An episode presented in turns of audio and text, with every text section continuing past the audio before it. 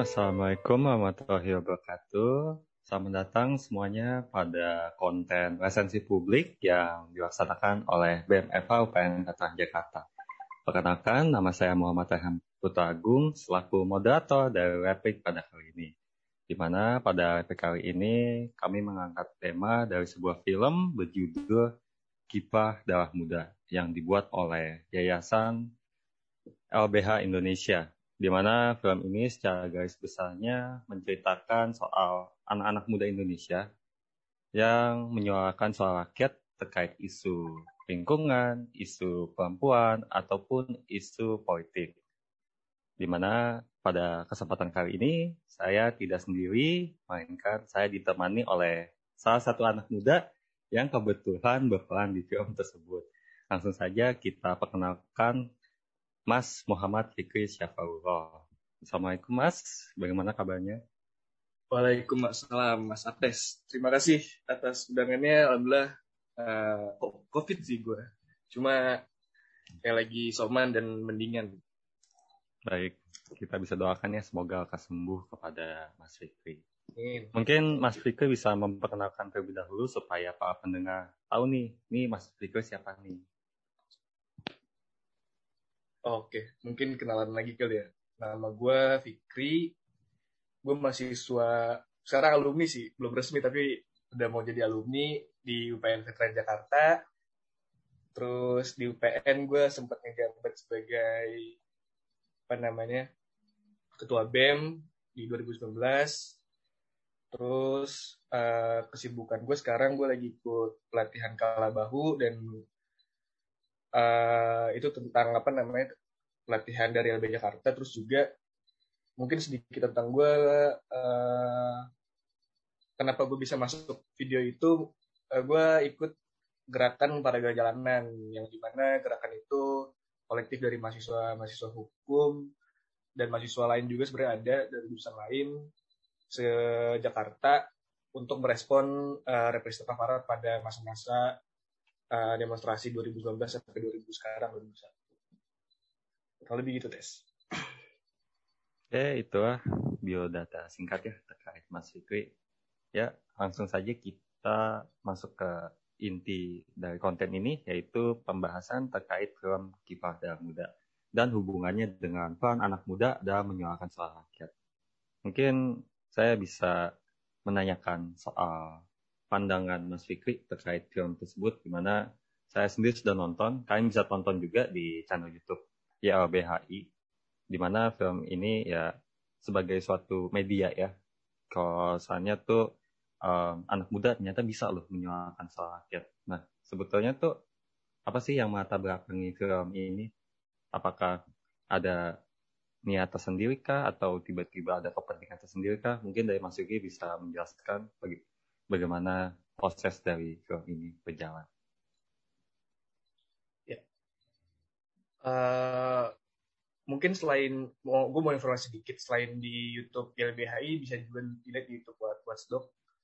Terus kalau ditanya latar belakang, menurut gue yang latar belakangi apa namanya video atau film ini film pendek ini uh, yang ngambil tema atau sudut pandang anak muda di masa sekarang gitu terkait isu-isu tertentu itu dilatar belakangi sama apa ya? Sama kekecewaan anak muda gitu. Anak muda kan ini punya masa depan. Anak muda ini uh, akan hidup di masa yang akan datang tapi masa depan akan datang itu akan dirusak oleh uh, oligar-oligar atau oleh pemerintah oleh sekelompok orang yang sekarang berkuasa gitu. Bisa dilihat dari beberapa indikasi yang mulai dari peraturan perundang-undangan yang uh, enggak representatif, merusak lingkungan, korupsi dan segala macam. Itu kan apa ya sebuah perbuatan yang dilakukan oleh orang-orang yang berkuasa sekarang zaman sekarang yang bisa kita yang umumnya itu orang-orang tua. Dan dia cuma mikirin masa sekarang dia cuma mikirin ketika dia berkuasa dia harus ngambil uh, sesuatu sebanyak-banyaknya yang kita bilang hmm, apa namanya harta mungkin atau kekuasaan dia ambil sebanyak-banyaknya mumpung lagi menjabat terus dia lupa uh, bumi ini atau uh, negara ini keadaan ini itu bukan cuma di masa dia so masa dia masa dia sekarang doang tapi juga ada masa selanjutnya itu masa-masa kita sekarang nih anak-anak muda. Yang 20-30 tahun lagi akan tinggal di bumi yang sama yang akan tinggal di negara yang sama tapi akan dirusak oleh seseorang yang yang egois yang cuma mikirin kepentingan dia doang. Mungkin itu sih menurut gue latar, latar belakangi kenapa uh, video ini atau film ini bisa muncul gitu. Itu sih tes menurut gue latar belakang. Jadi sebagai bentuk keresahan juga ya kepada pemerintah saat ini di mana ya kita tuh juga memikirkan prospek jangka panjangnya. Di mana ya ini negara kita juga yang di mana kita akan rasakan juga ke depannya. Nah terkait anak muda sendiri sih Uh, saya ingin menanyakan kepada Mas Fikri, bagaimana sih pandangannya terkait aksi-aksi dari kaum muda dalam memperjuangkan hak-hak rakyat yang terpinggirkan? Kan bisa dilihat ya di tahun ini banyak aksi yang kita laksanakan, tapi selalu terhambat dan selalu dihalang-halangi gitu. Jadi bagaimana pandangan Mas Fikri? Apakah apa sekarang tuh makin disempit, makin sempit atau justru kita punya peluang baru gitu. Maksudnya bentuk baru dalam menjalankan aksi tersebut. Ya, kalau pendapat gue ya, uh, rejim sekarang itu benar-benar menutup semua pintu demokrasi atau penyampaian pendapat kita sebagai masyarakat, khususnya kalau muda, untuk menyampaikan keresahannya gitu keresahan uh, penyam, cara penyampaian secara jalanan atau secara penyampaian di muka umum itu kan dijamin dalam konstitusi ya bahkan ada undang-undang tersendiri yang mengatur itu. Tapi di satu sisi di jalanan kita direpresif di jalanan mahasiswa-mahasiswa demo bukannya dipertemukan dengan para pejabat yang kita ingin suarakan malah dibenturkan sama polisi gitu. Malah ada yang ditangkap sebelum apa namanya sebelum masuk ke area demonstrasi, ada yang ditangkap pas pulang dan sebagainya. Terus yang kedua, cara akademis, misalnya kita pakai kajian, kita pakai uh, apa namanya tulisan-tulisan artikel-artikel, tapi tetap aja kena. Contoh contohnya aja sekarang yang paling hangat mungkin BMUI ya. BMUI pakai cara yang elegan menurut gue, pakai cara meme yang bisa nyentuh ke seluruh masyarakat gitu. Semua masyarakat ngerti lah tentang komedi menurut gue cara salah satu cara elegan paling uh, untuk menyuarakan kritik ya dengan komedi biar semua orang dapat ngerti gitu. Tapi tetap direpresif dipakai rektornya. Tapi akhirnya sih berbuah hasil ya. Uh, rektornya akhirnya muncul dari mundur dari komisaris tapi menurut gue harusnya dia muncul mundur dari rektor bukan dari komisaris. Terus mau pakai cara apa lagi gitu? Cara akademis gak bisa cara di jalanan gak bisa kita nge-tweet aja udah nggak bisa, ada cyber Polri, ada cyber patrol, ya menurut gue sekarang yang paling bisa kita lakuin adalah menanamkan moral, menanamkan diri, dan terus berjuang. Biar ke depannya bang bangsa yang akan kita pimpin nanti kan kita calon pemimpin pasti. Kita juga calon-calon orang-orang yang bakal uh, apa namanya mengisi pimpinan ke depan gitu. Menurut gue kita harus tanamin moral dari sekarang sih. Kita harus bersikap dari sekarang setidaknya dalam hati itu kita nolak gitu ada kalau ada ketidakadilan gitu. Jangan sampai kita masih muda aja udah tergurus gitu apa namanya idealismenya.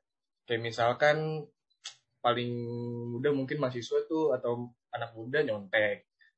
Terus uh, tips yang hal-hal yang gak penting dan sebagainya. Menurut gue sikap-sikap gitu yang nantinya bakal uh, mencerminkan lu di masa depan jadi gue juga bingung sih kalau uh, metode apa karena rezim ini menurut gila semua semua cara kita, semua upaya kita untuk mengkritisi itu dibatasin banget dari jalanan, di media sosial di represif, di kajian bahkan di represif. Ya cara satu-satunya mungkin revolusi kali mungkin cara paling radikal. Itu sih tes. Membicarakan soal revolusi sendiri, mungkin kita bisa melihat kembali ya dari sisi historis ya di mana kan ya terkait semangat kaum muda sendiri kan itu bukan muncul di saat sekarang juga tapi udah dari dulu bahkan dari tahun 45 juga mungkin uh, Mas Fika bisa menjelaskan yang kayak apa sih yang bisa kita contohkan dari uh, histori yang ada dari tahun 45, 28, 98. Apa yang harus kita ingat ketika kita ingin menyuarakan suara rakyat?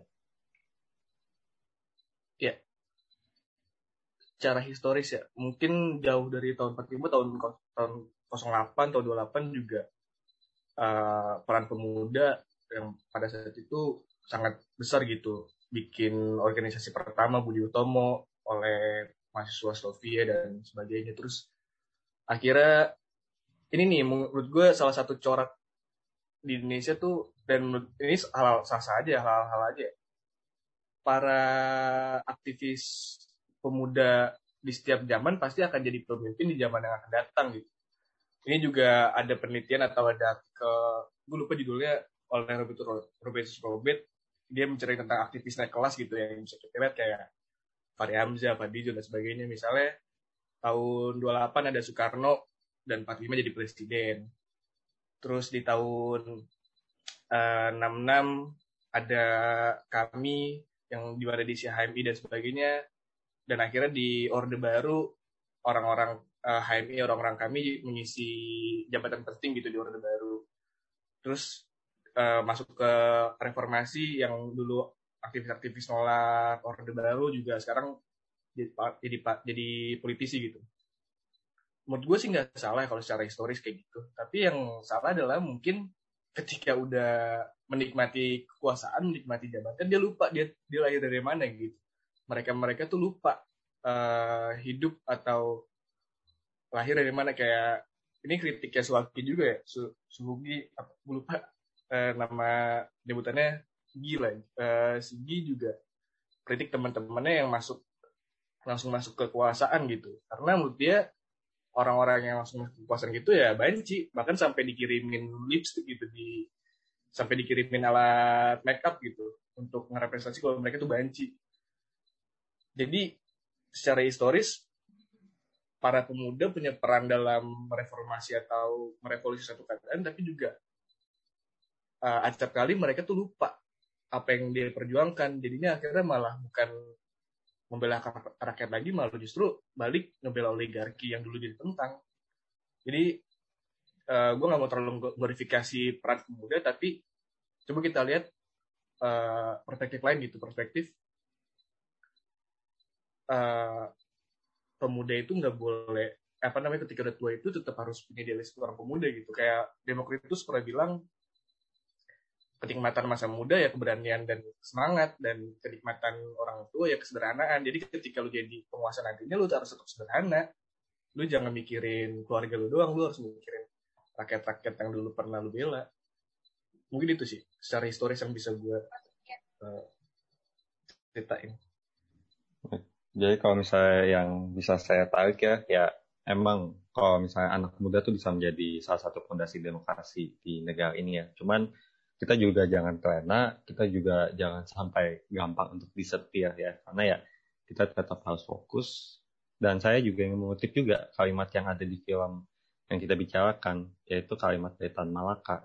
Idealisme adalah kemewahan terakhir yang dimiliki oleh seorang pemuda. Karena yang namanya ide ya emang dampaknya itu besar walaupun ya sekecil apa pun ide pasti dampaknya bakalan besar. Itu sih kalau bisa saya tarik.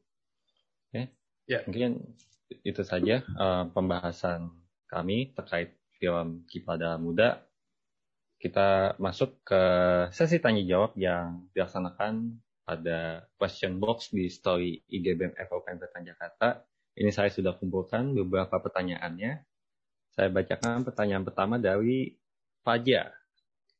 Apa yang dapat dilakukan anak muda di masa pandemi untuk tetap menjadi kritis? di masa pandemi berarti yang bisa gue bayangin di masa pandemi kita terbatas oleh tempat gitu. Tapi yang harus kita ingat juga, kita punya media sosial, kita punya gadget yang bisa menyuarakan pendapat-pendapat kita. Ilmu kan nggak bisa terbatas sama ruang dan waktu menurut gue ya. Kritik juga sama jadi sebagai pemuda, sebagai mahasiswa, gunain sebaiknya gadget, gunain sebaiknya media sosial kalian sebagai corong kritik kalian. Uh, oke okay lah media sosial untuk senang-senang dan sebagainya tapi apa salahnya juga ketika media sosial kita jadiin corong kritik kita karena uh, ketika lo mau mengedukasi seseorang yang paling deket ya di media sosial teman-teman lu keluarga lu mungkin yang punya media sosial juga orang lingkungan sekitar lu. Jadi lu bagi vibe atau bagi berbagi satu hal positif lah di media sosial lu sehingga lu menularkan satu isu atau satu apa namanya permasalahan tersendiri. Misalnya kayak sekarang yang baru banget terjadi isu Papua ya.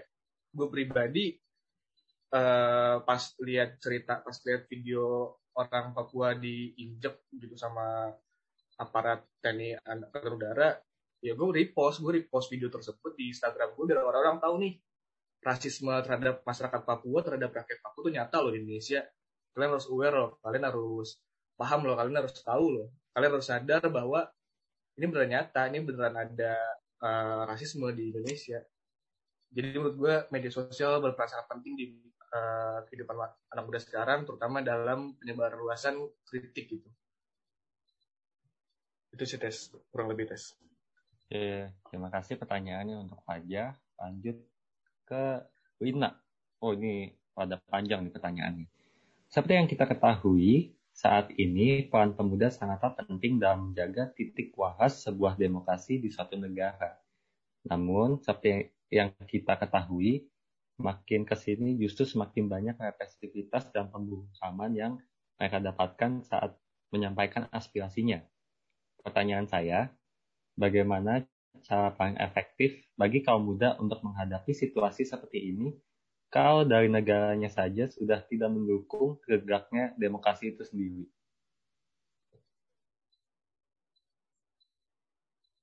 Ya.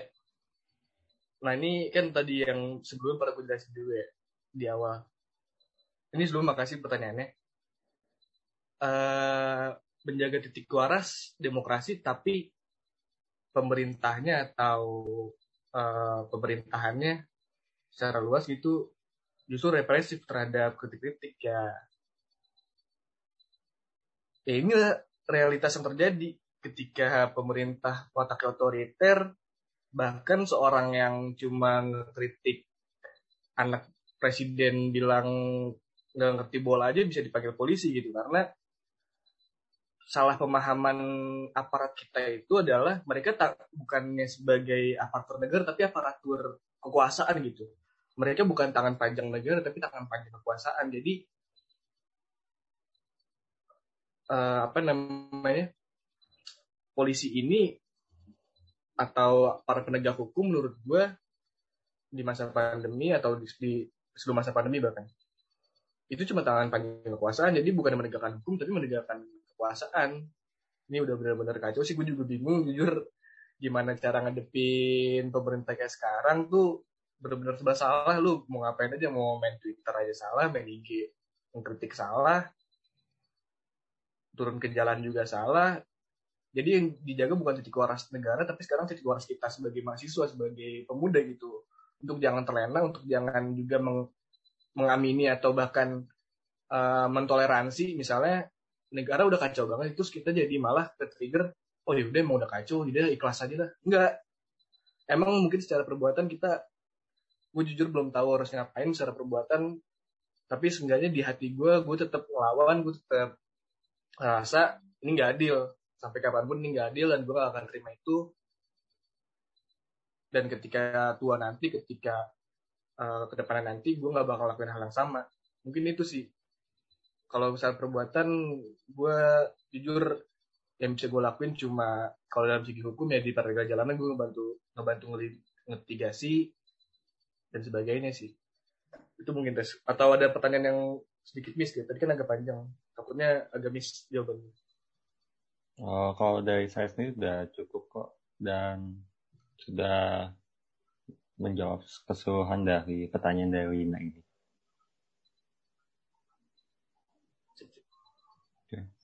Baik, terima kasih Wina atas pertanyaannya. Lanjut ke pertanyaannya dari Safa. Ini mungkin nyambung ya ke pertanyaan sebelumnya. Mengapa pemerintah sering mendelegitimasi atau mendiskreditkan aksi mahasiswa? kan kalau kita nonton filmnya kan ada cuplikan-cuplikan yang di mana kayak wah sering didiskreditkan nih aksi mahasiswa. Nah kalau dari Mas Fikri sendiri nih kenapa sih pemerintah kayak wah kayak aksi mahasiswa tuh kayak sebagai suatu ancaman atau kayak sebagai kayak ujung tombak gitu loh. ya, mendelegitimasi gitu ya. Ini mod modus yang sering terjadi, yang udah lama terjadi bahkan sejak Orde Baru pas Orde Baru itu dari tahun 74 sampai 98 uh, masuk selalu dituding ada orang di belakangnya lah, ada gerakan separatis, gerakan radikal dan sebagainya. Dan bahkan ada satu peristiwa, peristiwa Malari 15 Januari 74 itu kan tentang mahasiswa atau rakyat pada saat itu demo tuh. Uh, dia demo besar-besaran sampai ngebakar uh, mobil Jepang karena isu pas hari itu kita tuh terlalu di apa ya terlalu bersandar pada investor Jepang gitu. Nah belakangan diketahui bahwa uh, kerusuhannya itu bukan dari kalangan mahasiswa justru tapi dari kalangan si pemerintah sendiri yang membuat. Ini gue lupa ada artikel di mana itu tercatat dalam sejarah gue lupa bukunya pokoknya si Ali Murtopo pada saat itu dengan apa namanya CSIS gue lupa kepanjangannya pokoknya itu semacam intelijen mereka. Ya dia mengkonstruksikan atau memanipulasi gerakan akhirnya gerakan itu rusuh. Gerakan itu jadi gerakan yang awalnya damai jadi rusuh gitu.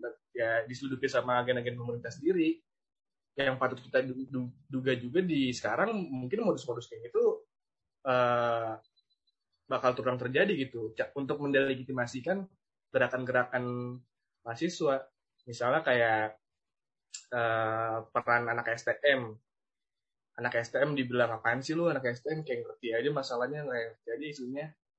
Justru ketika anak STM aja yang lu remehin atau lu rendah gitu ketika dia ngerasa ada yang gak adil harusnya lu bangga dong seorang siswa gitu yang pada umumnya mungkin uh, karena kurikulum kita yang jelek gitu misalnya.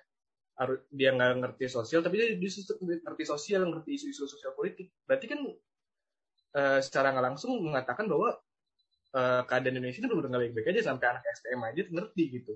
Ini gue bukan mendesain STM ya tapi uh, itu salah satu apa namanya salah satu bentuk delegitimasi adalah kayak gitu. Dia secara langsung malah ngerendahin kurikulum mereka sendiri gitu. Seakan-akan anak STM gak ngerti apa-apa padahal harusnya ketika anak STM ngerti sesuatu ya udah berarti bagus dong.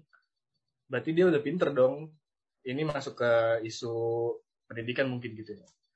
Jadi ngedelegitimasi uh, peran atau ngedelegitimasi mahasiswa itu udah sering banget terjadi lah dari tahun dari zaman Orba sampai zaman sekarang dan itu tandanya mereka takut sama mahasiswa tandanya mereka takut sama perubahan. Itu tandanya mereka takut kekuasaannya akan digulingkan gitu. Makanya mereka cara-cara kotor. Mungkin itu sih tes.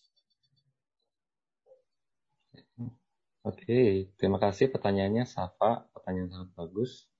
Lanjut ke pertanyaannya Vila.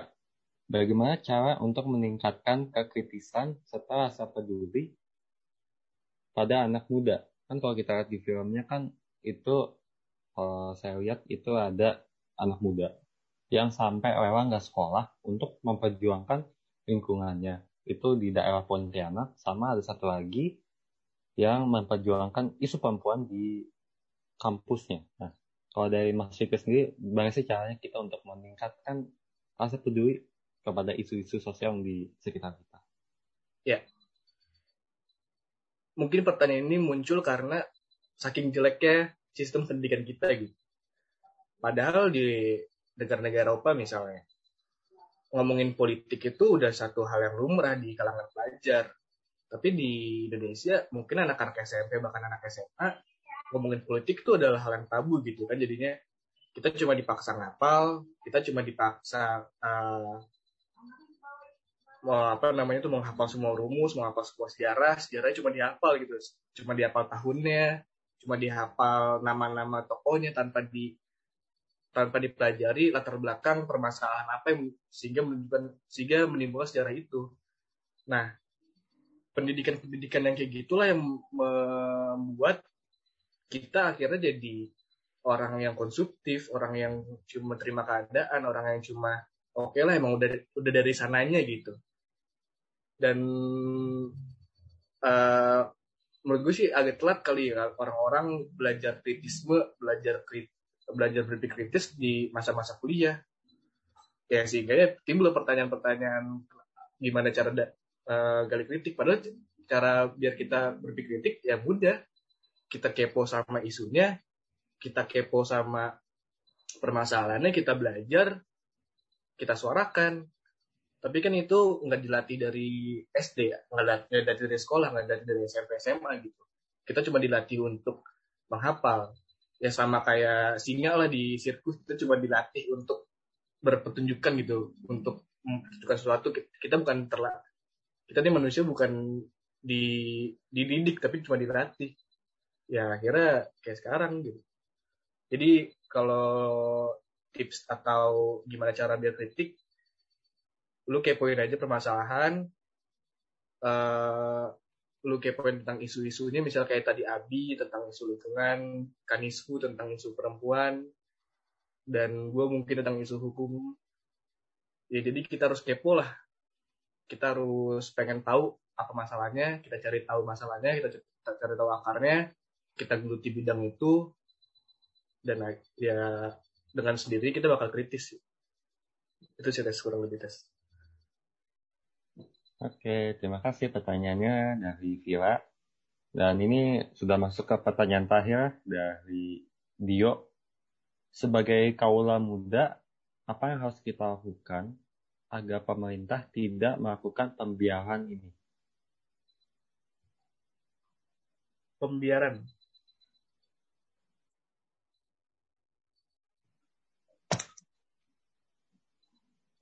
Apa tes tadi pembiaran?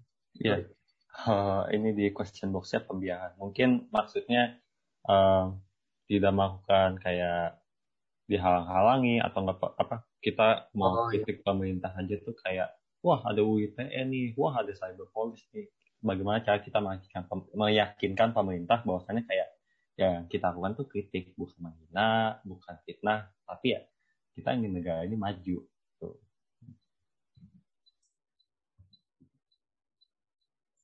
Uh, bentar. Gue tuh tadi baca sedikit tentang pergerakan mahasiswa di Chili yang disebut uh, pingin revolution gitu. Menurut gue anak muda sekarang harus uh, coba ngikutin metode itu sih pingin revolution. Jadi kurang lebih uh, bentar tadi gue lupa takutnya salah ini.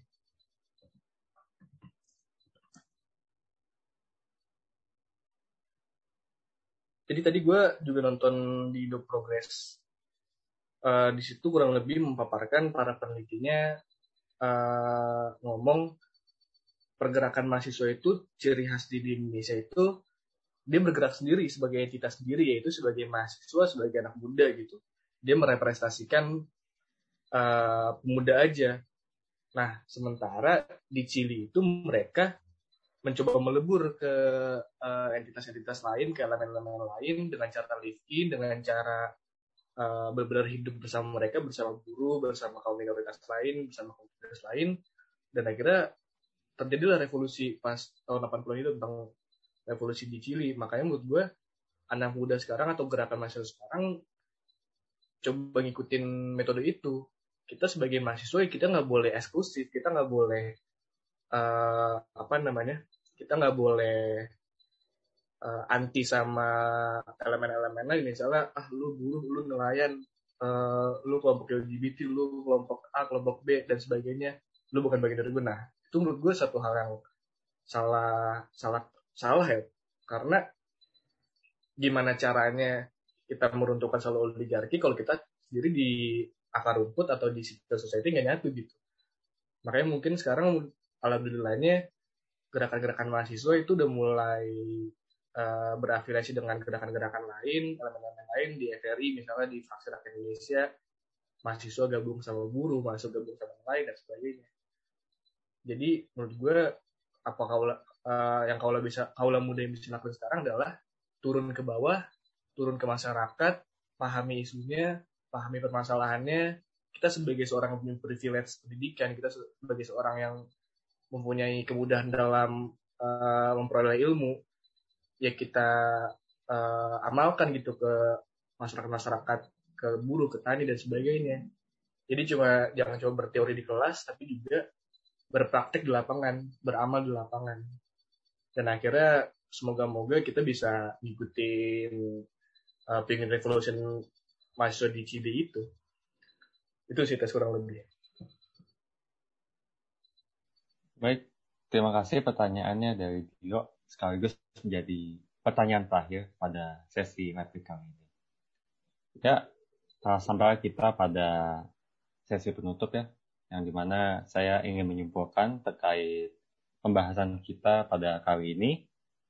Jadi yang bisa kita tarik dari film Kipada Muda adalah ya semua orang bisa memahami suatu isu, semua orang bisa menyebarkan suatu isu bahwasanya ya kita tuh bisa memahami apa aja. Bahkan anak non hukum yang bukan dari jurusan hukum bisa memahami isu soal hukum gitu. Jadi nggak ada batasan nggak ada halangan juga. Kita bisa melakukan apa saja bahkan sekedar repost atau retweet di Twitter itu kita bisa berperan dalam menyuarakan suara rakyat ketika ada suatu isu atau enggak dibutuhkan pertolongan atau menyuarakan kegelisahan kita kepada pemerintah gitu. Jadi ya kita boleh memahami, tapi kita harus ingat bahwasannya ya kayak media sosial lah, seperti pedang bermata dua. Ada positifnya, ada negatifnya. Jangan kita cuma ikut-ikutan doang, tapi ya kita nggak paham isu apa yang kita omongin. Siapa tahu nanti kita disetir, kita nggak tahu mana yang benar, mana yang hoax, dan ujung-ujungnya ya useless gitu semuanya. Baik, terima kasih kepada Mas Fikri ya telah menemani saya pada acara kali ini. Mungkin bisa memberikan closing statement dan sarannya terkait film ini ataupun output yang akan kita berikan kepada anak-anak muda yang nantinya akan menjadi pemimpin di masa yang akan datang. Ya, mungkin uh, closing statement gue terkait kaula muda atau anak muda zaman sekarang tuh tanam idealisme lu, tanam integritas lu dari masa muda gitu. Ketika lu muda aja udah menyerah sama keadaan, ketika lu pas masih muda aja lu udah mengamini satu kejoliman, meng, apa namanya, mendiamkan satu ketidakadilan, gimana tua nanti kan. Jadi uh, kalau di Islam ya ketika kita melihat kezaliman ada tiga uh, urutan kan uh, dengan perbuatan yang lawan dengan perbuatan, lawan dengan omongan, dan setidaknya kita diam tapi lawan dalam hati gitu. Jadi ketika dua level itu kita nggak bisa lakuin, mungkin lu tetap tanamin di hati lu, tetap uh, imani di hati lu bahwa ketidakadilan itu adalah nyata, ketidakadilan itu harus dilawan setidak-tidaknya ketika lu punya apa namanya lu punya kesempatan lawan ya lawan. Kalau nggak bisa jadi hati lu sejak dini. Yang gimana ya idealisme itu kan ya kemewahan terakhir kita gitu jangan sampai kita menyesal pada di masa tua nantinya baiklah ya. terima kasih kepada Mas Fikri terima kasih juga kepada para pendengar yang setia mendengarkan podcast Replik kali ini Mohon maaf apabila ada salah kata ataupun kalimat dari kita berdua. Semoga dengan dilaksanakannya podcast ini dapat menjadi edukasi ataupun menjadi sebuah media bahwasannya ya anak muda bisa berperan dalam platform apa pun. Sekali lagi saya ucapkan terima kasih. Akhir kata, ya. Wassalamualaikum warahmatullahi wabarakatuh. Sampai jumpa di konten selanjutnya.